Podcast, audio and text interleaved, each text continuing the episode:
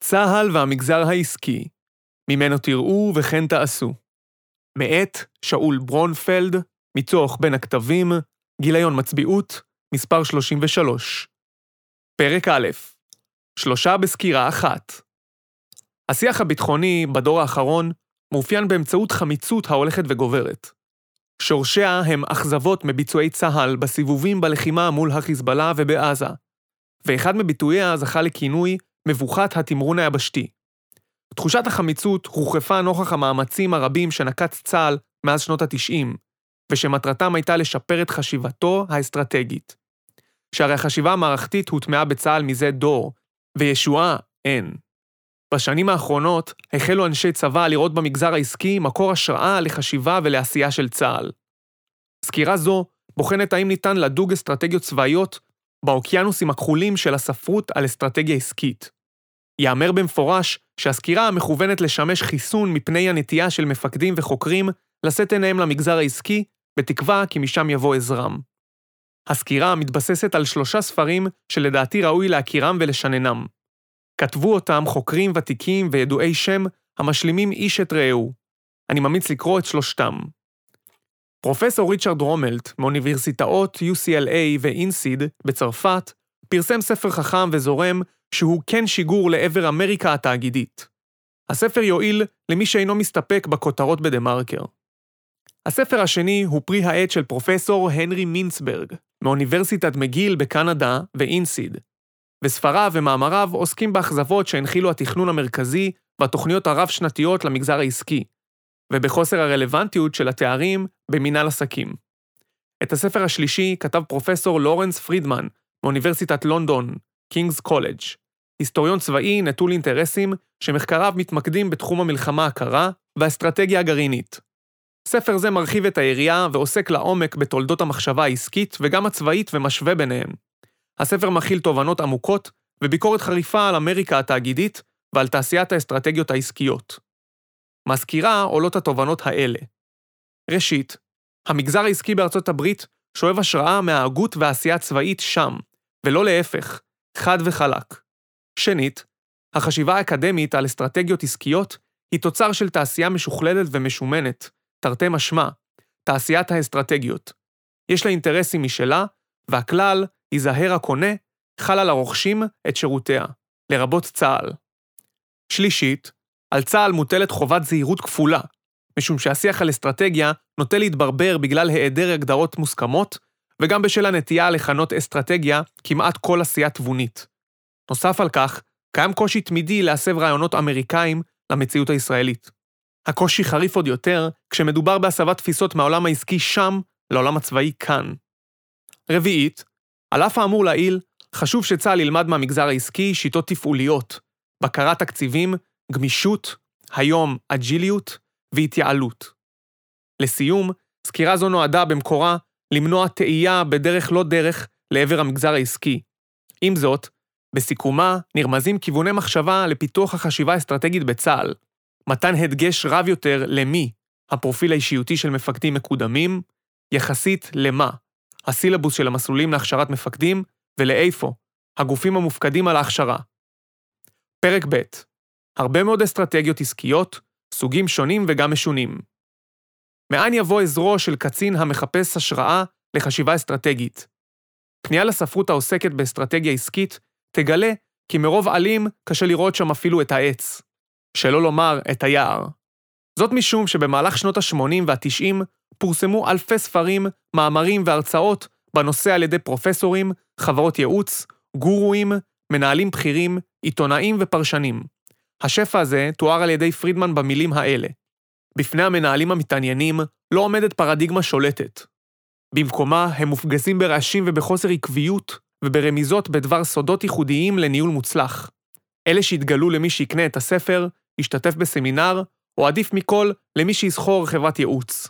הרעיונות האסטרטגיים רודפים זה את זה, חלקם בנאליים ואחרים קונטר-אינטואטיביים.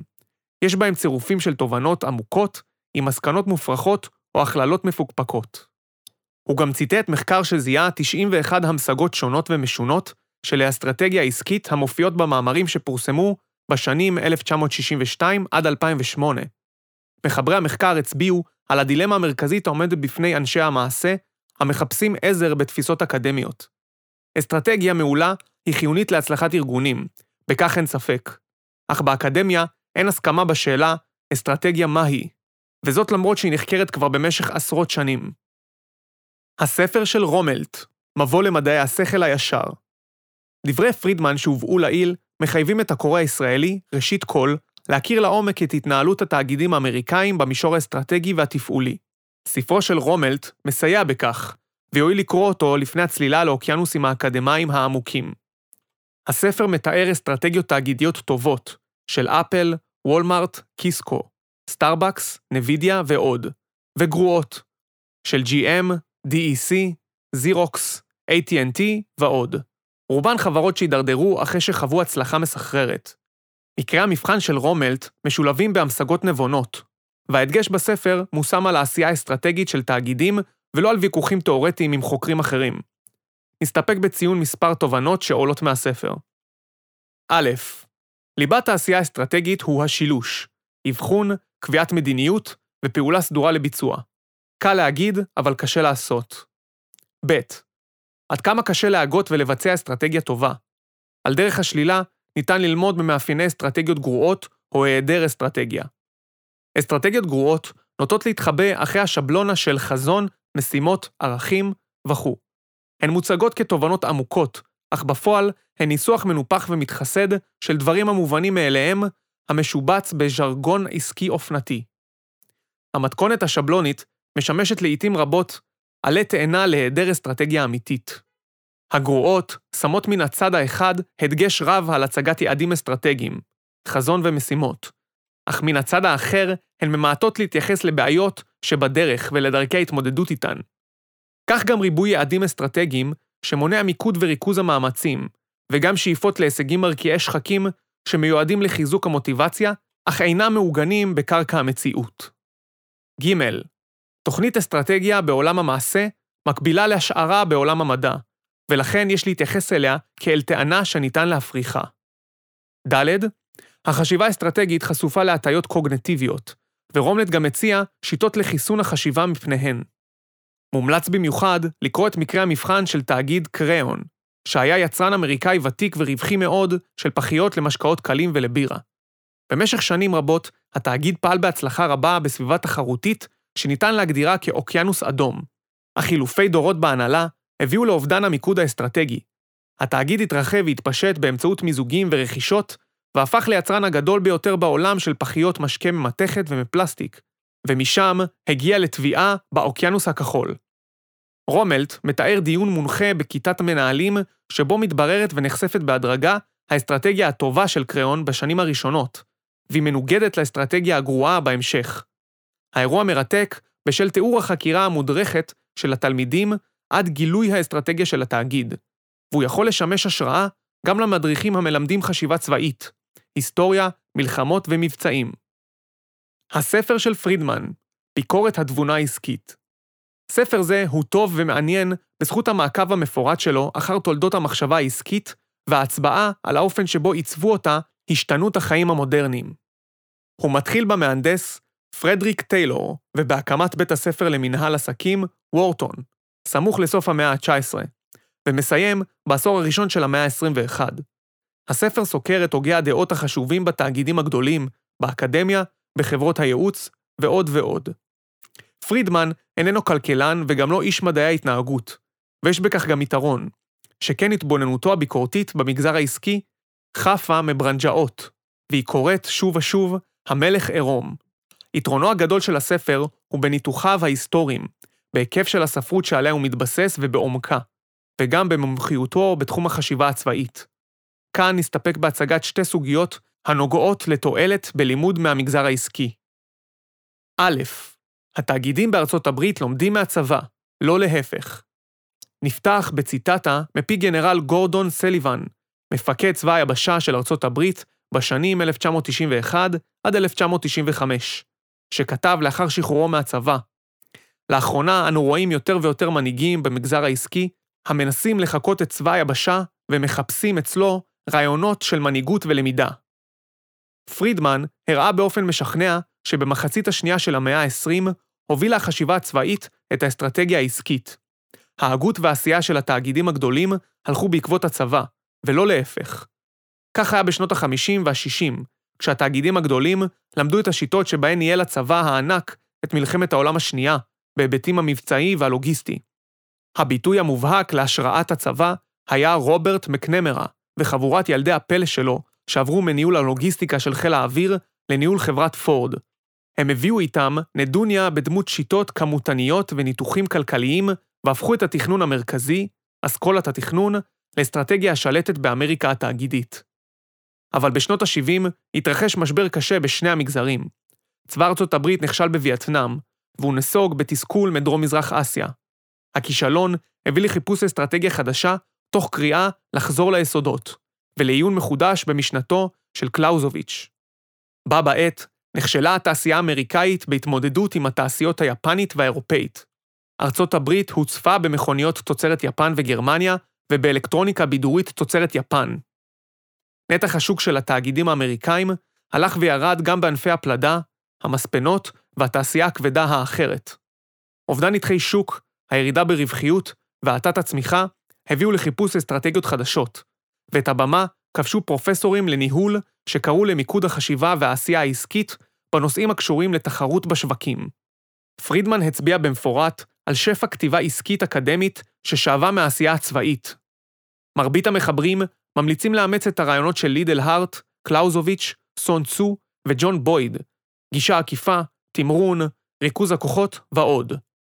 וגם לחקות מפקדים מצליחים, מאטילה מנהיג ההונים עד גנרל פטון.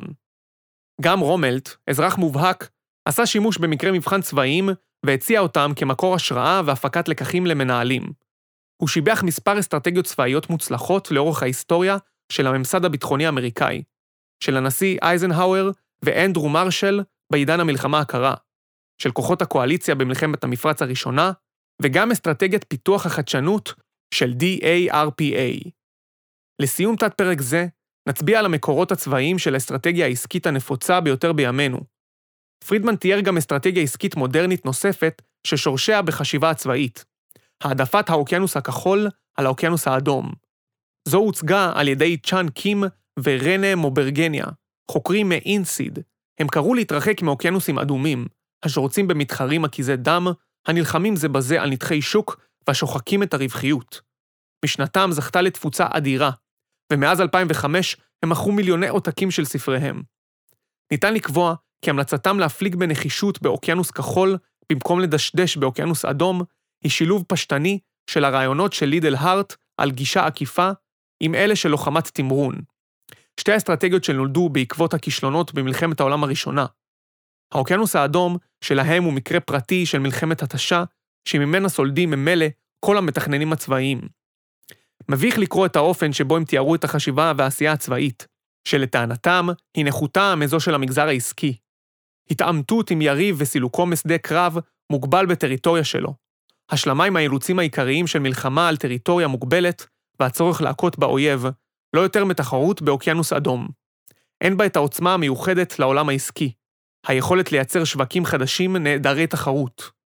מדבריהם עולה שתורתם כלואה במושגי מלחמת העולם הראשונה, ומתעלמת מהחשיבה והלחימה במאה השנים האחרונות, במיוחד מהלחימה בדור האחרון. איך אפשר להתייחס ברצינות להגיגים העסקיים של השניים? הם גם אפילו אינם יודעים שהגלגל שהומצא על ידם בתרועה רבה בתחילת המאה ה-21, נוסע כבר בדרכים הצבאיות מאז מלחמת העולם הראשונה. הם גם אינם מציינים, או אינם יודעים, שאת האוקיינוס הכחול והאדום המשיגו האדמירלים אלפרד מהן וג'וליאן קורברט בשלהי המאה ה-19. האסטרטגיה שלהם יוצאת מהנחת יסוד שעל מנת להגיע להישגים מובהקים, יש לקחת סיכונים משמעותיים. ספק רב שהיה בה חידוש לעולם העסקים, ואילו בעולם הצבאי היא מובנת מאליה. בהקשר זה, מובא אירוע על גנרל דון סטארי, ידיד גדול של צה"ל, שהיה מהוגי וממבצעי הטרנספורמציה שעבר צבא היבשה האמריקאי אחרי היציאה מווייטנאם. הבעיה האסטרטגית שעמדה בפני ארצות הברית בשנות ה-70 וה-80 נבעה מהנחיתות הכמותית והאיכותית של צבאות נאט"ו בהשוואה לברית ורשה. סטארי ומפקדי TRA-DOC חיפשו פתרונות במגזר העסקי, והם פיתחו את הדוקטרינה החדשנית שלהם תוך הסתמכות על שני מקורות קלאסיים. הראשון היה לימוד היסטוריה צבאית בעזרת מחקריו של חוקר הביצועים רוברט הלמבולד, שחקר אלף קרבות היסטוריים והראה באילו תנאים המעטים יכולים לגבור על הרבים. השני היה לימוד מצבאות זרים, ובמקרה של סטארי, לימוד מצה"ל שלחימתו ברמת הגולן בתחילת מלחמת יום הכיפורים התבצעה בתנאים הדומים לאלה שהיו צפויים לשרור בגבול שבין מזרח גרמניה לבין מערבה, בפרוץ מלחמת העולם השלישית.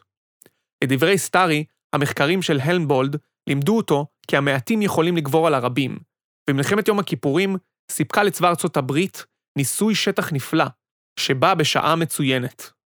לסיכום, האמור בסעיף זה מצביע שבארצות הברית המגזר העסקי שואב השראה מהצבאי, ולא להפך, וכי היושבים על גדות הירקון והאיילון לא תמיד מבינים את השיח על גדות הפוטומק וההדסון. ב. הייעוץ לעסקים הוא פרנסה, לא רק שליחות. פרידמן ביקר בחריפות את מחוללי החשיבה האסטרטגית העסקית המכונים תעשיית האסטרטגיות, ואת המניעים שלהם. כרקע לביקורתו, משמש התיאור של מינצברג את הזינוק של תעשיית האסטרטגיות שהחל במקביל לפרסום ספרו החשוב של מייקל פורטר, שעסק באסטרטגיה תחרותית. לתעשייה יש כתבי עת אקדמיים, מועדונים ומסגרות דיונים משלה. הספרות שנכתבת בה עצומה, ומאז 1980 היא מתפתחת בקצב מעורר השתאות. יאמר כי הביקורות על תעשיית האסטרטגיות מתייחסות בראש ובראשונה לחשיבה האסטרטגית, ונוספות להן ביקורות על יצרני הטכניקות הניהוליות הצצות ואחר כך נעלמות. למשל, BPR, KPI, TKM ועוד ועוד טכניקות וראשי תיבות.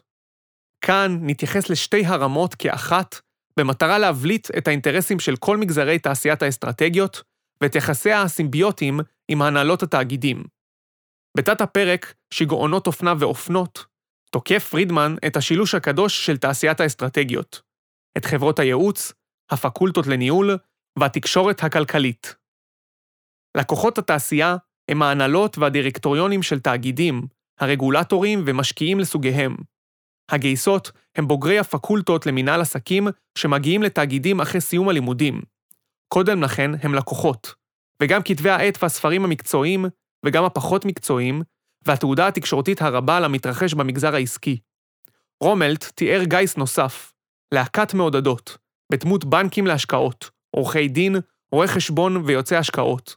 כל אלה נהנים מעמלות שמנות כשתאגידים רוכשים, מתמזגים, מנפיקים ומבצעים מהלכים עסקיים נוספים המכונים אסטרטגיים.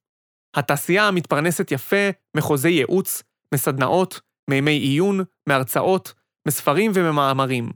כל אלה הם מוצרים שהיקפם גדל במהירות בדור האחרון. לתעשיית האסטרטגיות יש אינטרסים ושאיפות לצמיחה, שיקולי פרנסה, ואין לצפות שינחו אותה רק שאיפות לגילוי האמת הצרופה וטובת ציבור בעלי המניות. פרידמן ניסה להבין את סודות הצלחת התעשייה וציטט שני מחקרים שאינם מחמיאים לה. הראשון בדק 16 אופנות ניהוליות שעלו בחצי השני של המאה ה-20, והגיע למסקנה כי לאורך זמן חילופי האופנות נעשו תכופים יותר, ובמקביל התקצרו תוחלות החיים שלהן. נוסף על כך, האסטרטגיות הצצות, חדשות לבקרים, הופכות להיות קשות יותר לביצוע, מחייבות השקעת מאמצים גדולים יותר מצד ההנהלות, ובסופו של דבר הן אינן מיושמות. השני הוא מחקר שתיאר את האופי האופנתי של תוצרי התעשייה. כשהאסטרטגיה חדשה נקלטת, מתחיל תהליך של חיקוי, ותאגידים רבים מאמצים אותה, אפילו אם היא אינה הולמת את נסיבותיהם הייחודיות. ובסופו של דבר, היא גם אינה משפרת את הביצועים. ממצאי המחקר אינם מחמיאים לתעשיית האסטרטגיות, להנהלות התאגידים ולעולם העסקים בכללותו. אימוץ אסטרטגיה אופנתית משפר את הדימוי החיצוני של התאגיד, שכן הוא משדר חדשנות, יוזמה וכדומה, גם אם הדימוי מנותק מהביצועים בפועל. האימוץ משפר גם את הדימוי הפנימי, וזאת הסיבה שדירקטוריונים נוטים לתגמל מנכ"לים על אימוץ אסטרטגיה אופנתית מיד עם קבלת החלטת האימוץ ופרסומה, לפני שרואים את השתקפותה בביצועי התאגיד. בחזרה לנרטיב, תת-פרק נוסף, פרידמן ביקר קשות את המתודולוגיות של תעשיית האסטרטגיות, תוך התבססות על המחקר המקיף של אנדרו מאייר, שעסק באסטרטגיות של הונדה, יצרנית אופנועים יפנית, שהפכה למעצמת רכב עולמית. תאגיד זה זכה במאמרים מלומדים רבים בגלל היותו חלק מהתעצמות תעשיית הרכב היפני, והניסיונות המערביים לפצח את סודות הצלחתה. התנהלות הונדה בחצי השני של המאה ה-20 תוארה במקרי מבחן רבים שנלמדו בפקולטות לניהול. מאייר חקר את תעשיית הרכב היפנית, וגם בדק את 11 המחקרים על הונדה שפרסמו חוקרים מערביים ידועי שם. אחד מהם של חברת הייעוץ, בוסטון קונסלטינג, מאז 1975. ממצאי מאיר קוטלים את המחקרים ומטילים צל כבד על היושרה והמתודולוגיות של החוקרים והפרופסורים הבונים והמלמדים מקרי מבחן המתבססים על מחקרים בעייתיים. מאיר גם מצביע שהמתודולוגיה הבעייתית בחקר הונדה מאפיינת את תעשיית האסטרטגיות ומבזה את מהות המחקר האקדמי. היא חוסכת עבודה לחוקרים שנוטים לא להתעמק בחקר העובדות, והיא קולעת לטעמם של היועצים והתלמידים המחפשים מסקנות ולקחים פשוטים וקליטים. הביקורת על תעשיית האסטרטגיות קיבלה חיזוק משעשע מעריק שניהל חברת ייעוץ בינונית ופרסם ספר ביקורתי מאוד על הענף. הוא כתב את הספר במטרה לפתור את התעלומה האופפת את העוסקים בייעוץ העסקי. איך ייתכן שכה רבים היודעים כה מעט, מרוויחים כל כך הרבה מייעוץ? איך לבצע את העבודה הניתן למנהלים שהם המומחים לנושא? מהספר עולה שהענף מונהג על ידי אנשים אינטליגנטים מאוד, אך ציניים, ושיושרה אינטלקטואלית איננה בראש מעייניהם. הרבה מהשירותים שחברות הייעוץ מספקות לתאגידים הם נטולי ערך או משרתים את טובתו האישית של המנכ"ל, ולא את טובת ציבור בעלי המניות והעובדים בתאגיד. לסיום, הפריחה העצומה של תעשיית האסטרטגיות בדור האחרון היא תוצאה של הביקוש הגואה למוצריה. ההיצע התאים את עצמו במהירות לביקוש, והתעשייה עלתה ופרחה לשמחת כל פעליה. לכן, הרוכשים את מוצריה חייבים לזכור כי שיקולי פרנסה דוחפים גם את תעשיית האסטרטגיות ליצירת מוצרים חדשים, חדשות לבקרים, והיא מלווה את שיווקם בהבטחות מפליגות לגבי סגולותיהם, כמו בענפי האופנה והקוסמטיקה. ניתן לראות בדברים אלה הערת אזהרה למפקדים ולמנהלים הקוראים ספרות אסטרטגית עסקית, ועוד יותר למי שרוצה לשכור יועצים אסטרטגיים.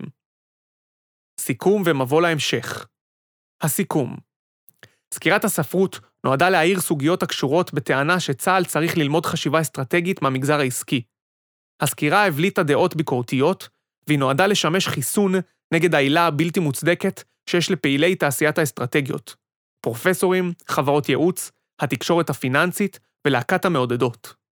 סקירה זו התייחסה רק לחשיבה האסטרטגית ברובד העליון.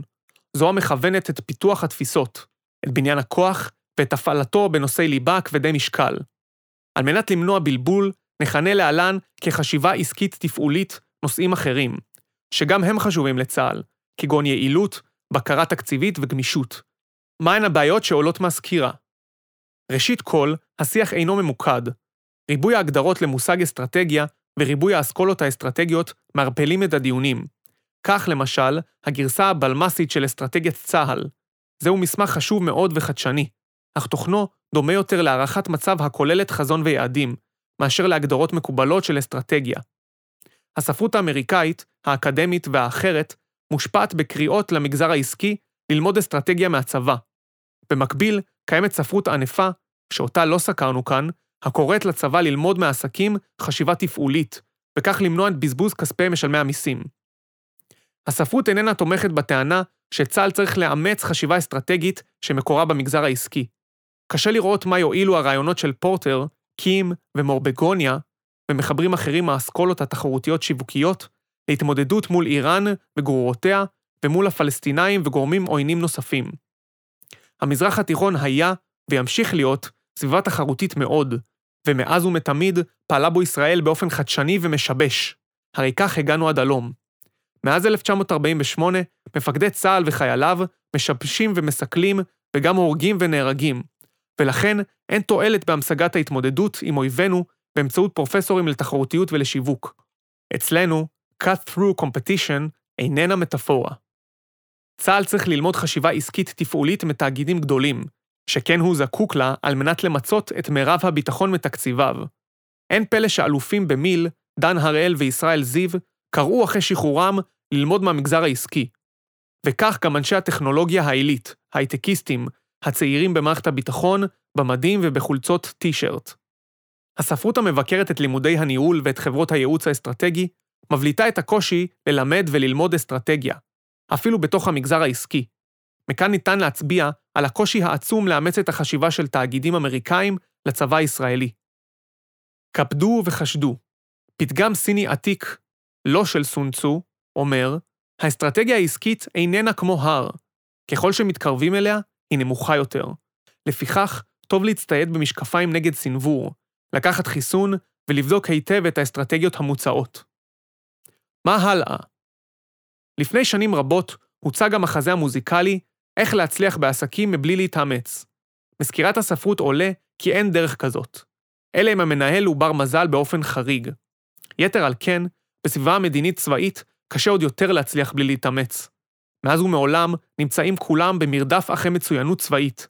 בדור האחרון בעזרת אומנות המערכה, אך המצוינות חמקמקה וקשה לתפוס אותה. סקירה זו איננה מתיימרת להציע דרכים להתמודדות עם המשבר הפרדיגמטי הנוכחי, ונסתפק במספר הגיגים שנציג להלן. ראשית, האם מה שנתפס בדור האחרון כהיתקעות וחמיצות הוא אכן תוצאה של היעדר חשיבה אסטרטגית יצירתית, חדשנית ומהפכנית? ייתכן שאת הפתרונות לבעיות הביטחון הלאומי בדור האחרון יש לחפש תחת פנסים אחרים. רובם קורנים אור צהוב מקדמת דנא. כך, למשל, פנס שיפור השיח ותיאום ציפיות בין הדרג המדיני וצה"ל. זהו נושא כאוב בתולדות המדינה, ששיאו האחרון, ב-2020, היה הדרת צה"ל מהדיונים על סיפוח בקעת הירדן. כך למשל, פנס חיזוק המשילות של הרמטכ"ל ואגפי המטכ"ל מול אילוצי הדרג המדיני מן הצד האחד, ומול הנטיות הבדלניות של זרועות פיקודים מרחביים ומנהלות מן הצד השני. למרבית התסכול, האורות שמפיצים הפנסים אינם זוהרים, ולצידם יש גם צללים המבלבלים והמטעים. לכן, יש חשיבות עצומה לאיכות המפקדים הבכירים. מה גם שבישראל רבים מהם מתקדמים לדרג המדיני. שנית, האם ניתן ללמוד מהמגזר העסקי שיטות לפיתוח מנהלים בכירים? ההתנסויות ומבחן התוצאה הם הגורמים החשובים לקידום מנהלים בעסקים וגם בצבא. אך יש הבדלים גדולים בעשייה בין שני המגזרים, והם ניכרים במדידת ההישג, בטווח הזמן של המדידה ועוד ועוד. עם זאת, חשוב לציין שבמגזר העסקי אין שאיפות לשפר את הכישורים האסטרטגיים בקורסים ובשיטות אקדמיות, כפי שעושים הצבאות. ההשכלה של מנהלים היא בדרך כלל תואר ראשון ושני במדעי החברה, מדעים ומשפטים, וכשלעצמה היא איננה מכשירה אותם לחשיבה אסטרטגית. שלישית, מהי בעיית צה"ל? שיטות החשיבה או סוג החושבים. מדי פעם מתפרסמים מאמרים של מפקדים בכירים במילואים, הטוענים שחשיבת צה"ל מתאפיינת במקצוענות שאינה יצירתית, ובלויאליות שאינה במקומה. לדעתי, בשיח הנוכחי ניתן משקל רב לשיטות ללימוד חשיבה אסטרטגית ובעיסוק בזהות הגופים האחראים על לימוד החשיבה. לעומת זאת, לא ניתן משקל מספיק לטיפוח תרבות שתכיל ותעודד קצינים צעירים ויצירתיים, לאו דווקא טאלנטים ביחידות הטכנולוגיות. תרבות שתמנע נשירת קצינים יצירתיים בדרגת רס"ן וסא"ל. רביעית, הגיג הקשור לקודם, לאיזה סוג מפקדים מכוונת מדיניות ההכשרה והקידום של קצינים. בשיח שהתקיים בין צה"ל ובין צבא היבשה האמריקאי אחרי מלחמת יום הכיפורים, אמרו ראשי טריידוק שהמסלול האמריקאי, ווסט פוינט, פורט ליבנוורת' והאוניברסיטה הלאומית להגנה, נועד להבטיח שהגנרלים יהיו ראויים לתפקידיהם.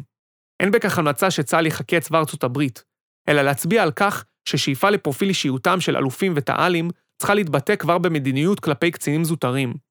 נוסף על שנאמר לעיל על עבודות הכלה והטיפול בצעירים היצירתיים. מילה אחרונה, פיתוח החשיבה האסטרטגית מתבצע בתוך משולש שאינו שווה צלעות.